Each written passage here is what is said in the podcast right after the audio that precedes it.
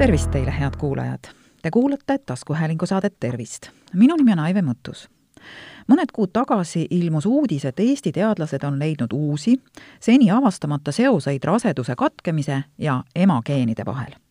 selleteemaline artikkel avaldati ajakirjas Nature Communications ja sestap olengi palunud täna saatesse rääkima Tartu Ülikooli Genoomika Instituudi teadlase doktor Triin Laiski, tere! tere!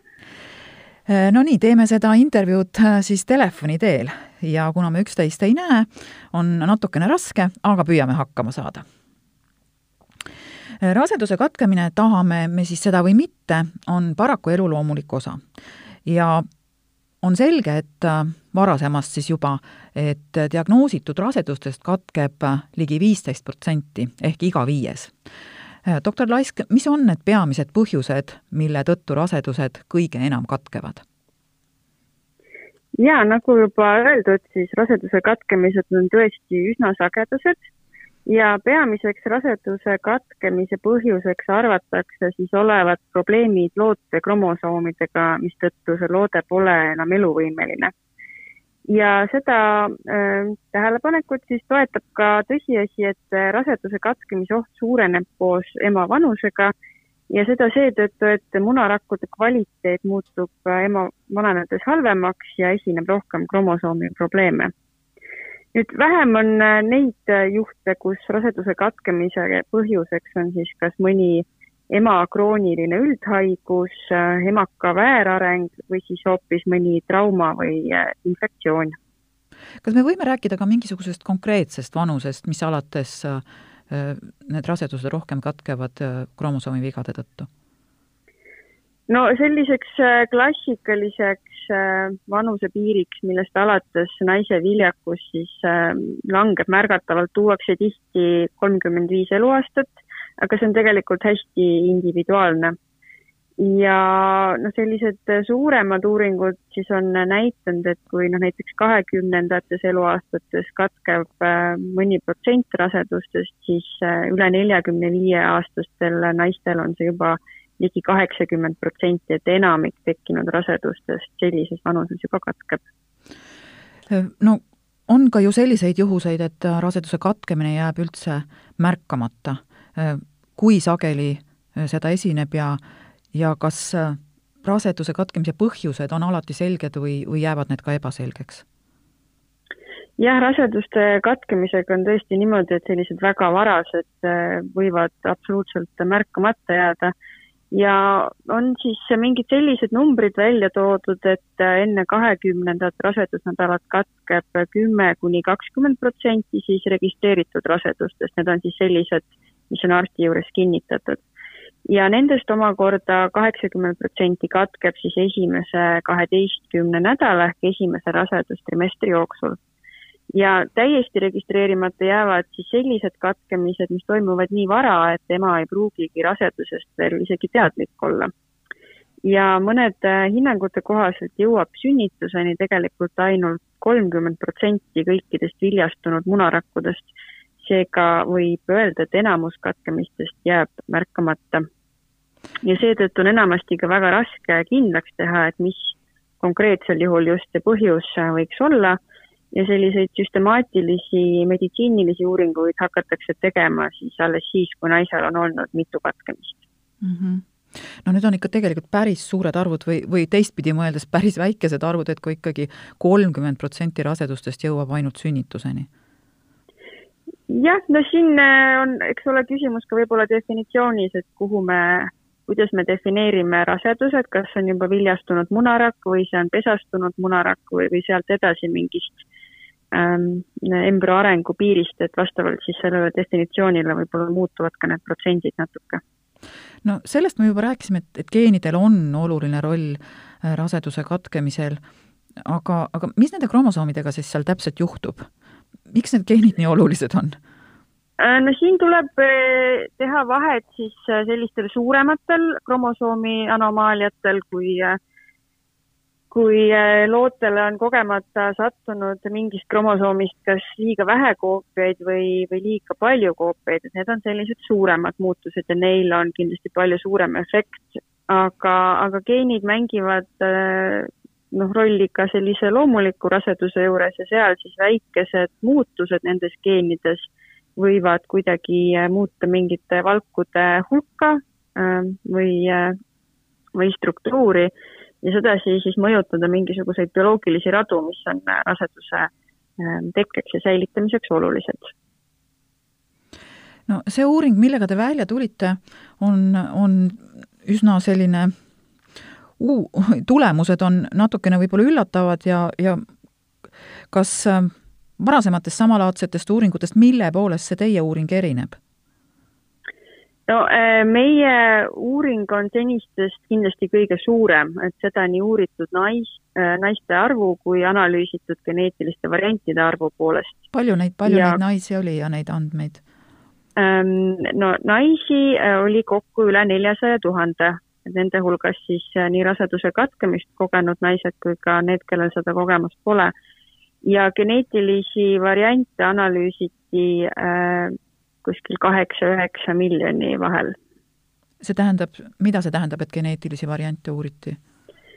Äh, no ütleme, liigi piires on meie DNA üsna sarnane, eks ole, aga samas me oleme üksteisest üsna erinevad ja need äh, erinevused ongi siis tingitud sellistest äh, väikestest äh, muutustest meie DNA-s, mida igal inimesel on mõni miljon, ütleme neli-viis miljonit mm. -hmm. ja kui me võrdleme siis neid geneetilisi selliseid variatsioone raseduse katkemist kogu, kogenud naiste ja mittekogenud naiste vahel, siis me saame vaadata, kas nende esinemissageduses on seal mingeid, mingeid erinevusi mm. -hmm. aga, aga mida täpsemalt te siis äh, neid äh, uuringu tulemusi analüüsides teada saite või milliseid erinevaid seoseid te avastasite? no esiteks oli oluline leida üldse see, et raseduse katkemistel tõepoolest on geneetiline komponent, aga see ei ole samas väga suur. et meie analüüside tulemusel võib hinnanguliselt öelda, et geenide panus võiks olla umbes kuni kolmkümmend protsenti -hmm. ja see on tegelikult ka selline loogiline tulemus, sest kui rasedus katkeb, siis ei anta seda põhjustavaid või soodustavaid geneetilisi variante järgmisele põlvkonnale edasi. ja seetõttu on sellised geneetilised variandid, millel oleks väga suur mõju raseduse katkemisele, negatiivse valiku all ja need muutuvad väga haruldaseks mm. -hmm ja lisaks äh, me siis leidsime, et raseduse katkemine on seotud äh, selliste geneetiliste variantidega, mis osalevad äh, platsenta funktsioonide reguleerimises. et platsenta on nii raseduse tekkel kui ka raseduse säilitamisel väga olulise funktsiooniga selline ajutine organ. ja lisaks me leidsime, et raseduse katkemine on seotud ka mitmete teiste haigustega nagu astma või depressioon ja lisaks nägime seoseid ka suitsetamise, vaimse tervise ja üldise heaolu ning raseduse katkemise vahel. ja sellised, äh, jah, nii, mis te küsida soovisite ma soovisin küsida suitsetamise kohta, et milline see ja. seos oli seal, kui, kui, kui tugev see seos oli? no see oli, äh, see on nõrk, no selles mõttes, et ei saa, ei saa öelda, et suitsetamine alati ilmtingimata äh, põhjustab raseduse katkemist, et me nägime seal sellist nõrka seost aga kindlasti on vaja edasisi uuringuid, et nüüd äh, vaadata, et kas see on tõepoolest põhjuslik seos, sest et korrelatsioonid alati ei tähenda, on ju, põhjuslikke seoseid. Ähm, või on siis seal hoopis mingisugused äh, muud äh, mehhanismid mängus, et võib-olla ähm, geneetilise poole pealt, et see osa meie geneetikast, mis paneb meid suitsetama, on kuidagi seotud ka raseduste katkemisega, et bioloogia on selline keeruline teema ja alati kõik ei ole päris mustvalge ja üheselt mõistetav. ai, mulle meeldiks, kui oleks mustvalge ja üheselt mõistetav, et siis võib-olla saaks ka suitsetajatele öelda, et, et jätke järele oma suitsetamine. aga jah nii, nii ei saa tõepoolest.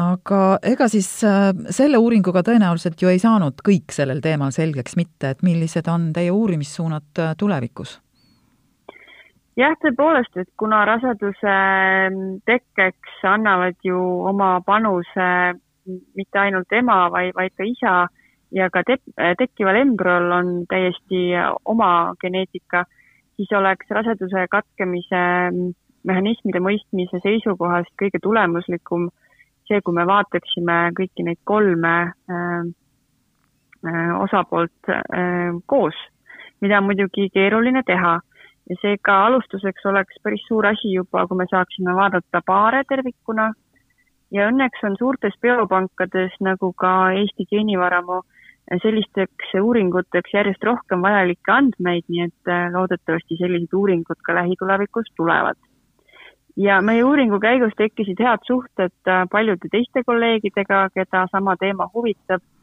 Nii et hetkel tegeleme Taani kolleegidega nende uuringutega ka praegu edasi ja pöörame suuremat tähelepanu raseduskomplikatsioonidele üldiselt, et seda nii varasest rasedusest alates kuni siis näiteks sünnitusjärgse verejooksuni välja, sest et mm -hmm. ka kõigil neil tunnustel on oma geneetiline komponent ja esialgsed tulemused sealt on väga, väga huvitavad ja samamoodi viitavad platsenta rollile, nii et loodetavasti saame siis juba varsti rääkida ka selle uuringu põnevatest tulemustest jaa, mul tekkiski siia küsimus, et äh, palju on räägitud sellest, et inimesed saavad Eesti geenivaramust äh, tagasisidet oma tervise kohta, kas selle uuringuga on ka nii, et need naised, kes, kelle andmeid te uurisite, saavad mingisugust äh, tagasisidet oma raseduste katkemise kohta? see ei olnud päris, päris selline uuring, et äh, hetkel oli tegu ainult äh, teadusliku uuringuga ja sellel ähm, hetkeseisuga sellist rakenduslikku mm -hmm. väljundit ei ole. aga milliseid sarnaseid uuringuid Eestis üldse veel tehakse? Äh, siis geenivaramu baasil? just, et meil on geenivaramus täitsa omaette uurimisgrupp, mis on keskendunud siis äh, reproduktiivtervise või viljakuse, viljatusega seotud tunnuste ja haiguste geneetika uurimisele. et äh, me panustame rahvusvahelistesse konsortsiumitesse, mis äh, uurivad polüsüstiliste munasarjade sündroomi ja endometrioosi geneetikat. Need on siis kaks gümnakoloogilist äh, haigust, mis mõjutavad naiste tervist laiemalt, aga, aga on, neil on oma mõju ka viljakusele. ja lisaks on meil käimas siis projektid, kus me äh, vaatame, kas me saame geneetikat kasutada näiteks selleks, et ennustada ähm, reproduktiivse vananemise trajektoori, et äh, millal naisel saabub menopaus, paus või, või kaob siis selline loomulik viljakuspotentsiaal. Ja just minu doktorant tegeleb ühe projektiga, kus äh, me proovime sarnast geneetikal põhinevat riskiennustust teha siis äh, vaagnapõhja allavaie ennustamiseks. et vaagnapõhja allavaie on ka üks üsna levinud äh, terviseprobleem, mis mõjutab eriti naisi menopausi järgses eas ja see on lisaks ka siis üks peamisi näidustusi gümnakoloogilisteks operatsioonideks, et seega, kui me saaksime varakult leida need naised, kellel äh, on oht selleks mm -hmm. vaagnapõhjalihaste nõrkuseks, et siis me saaksime võib-olla varem, varem sekkuda ja selle siis haiguse väljakujunemist edasi lükata. et noh, tegelikult äh, tegemist on praegu teaduslike uuringutega, millel siht on ikkagi rakenduslik, ehk et kunagi võiks Just. siis nende põhjalt inimesed oma tervise osas kasu saada just, et enne kui me saame midagi praktikas rakendada, on meil äh, vaja olla kindel, et, äh, et meie teadmised on äh, piisavad ja need teadmised on usaldusväärsed, et me oleme saanud need avastused suurtel ja usaldusväärsetel andmekogudel. no mis te arvate, kaua selleks aega läheb, et need uuringud rakendusse jõuaksid või nende tulemused? no see on, see on hea küsimus, et, et kuna ütleme, teadus, ähm, teaduslike leidude rakendamine igapäevases kliinilises praktikas ei sõltu ainult teadlastest, vaid see eeldab, äh, eeldab väga mitmetasandilist äh, koostööd, näiteks äh, IT-süsteemide arendamisel koostöös arstidega, et kuidas neid ähm, leide meditsiinis rakendada, siis on seda väga, väga raske prognoosida, et et kuna Eestis äh, see personaalmeditsiin on selline riiklik prioriteet ja selline tihe töö käib, et, äh, et erinevaid personaalmeditsiini tööriistu ähm, kliinilisse äh, praktikasse viia, et siis ma ütleks, et võrreldes võib-olla mõne teise riigiga meil on päris, päris hea seis ja võib loota, et siis see toimub juba lähiaastatel no tõesti, seda, seda loota võib, sest et noh, tegutsete ja uuringud käivad. Aga raseduse katkemise koha pealt veel, et, et see on tõesti sage, aga, aga vähe räägitud seisund ja loomulikult on see kurb, aga samas mingis mõttes ka normaalne. kas me võime öelda, et see on looduslik valik? Jaa, mingis mõttes on see, on see kindlasti looduslik valik, sest eh, noh, nagu siin varasemalt läbi käis, et peamiseks raseduse katkemise põhjuseks on probleemid loote kromosoomidega, mis tähendab, et selline loode ei olekski eluvõimeline. ja niimoodi on juba emakasse tegelikult sisse ehitatud sellised kvaliteedikontrolli protsessid mingis mõttes, eh, mis siis, kui nad tuvastavad, et tegemist ei ole päris äh, päris terve lootega, siis vallanduvad seal erinevad protsessid, mis viivad siis raseduse katkemiseni. seega see on sõna, sõna otseses mõttes selline looduslik valik. no jaa, nii on ja ega meil ei ole midagi muud teha, kui inimestena sellega leppida, et loodust me mõjutada ei saa ähm,. jah, et selles mõttes äh, nagu te juba ütlesite, et tegemist on äh, nagu sellise kur-, kurva sündmusega, et kindlasti äh, selle normaliseerimine ja sellest rohkem äh, rääkimine muudab selle kogemuse mingis mõttes kergemaks, sest et siis naised teavad, et see ei ole miski, mis juhtub ainult nendega, nad ei, nad ei ole selles üksi ja mida paremini me mõistame raseduse katkemise põhjuseid, seda rohkem me suudame vältida ka olukorda, kus naine näiteks ennast süüdistab selles. Äh, et äh, ma julgeks öelda küll, et enamikel äh, kui mitte kõigil äh, juhtudel, siis äh, ei ole raseduse katkemise põhjuseks otseselt see, mida ema ise on teinud, vaid et seal on mõned teised tegurid mängus.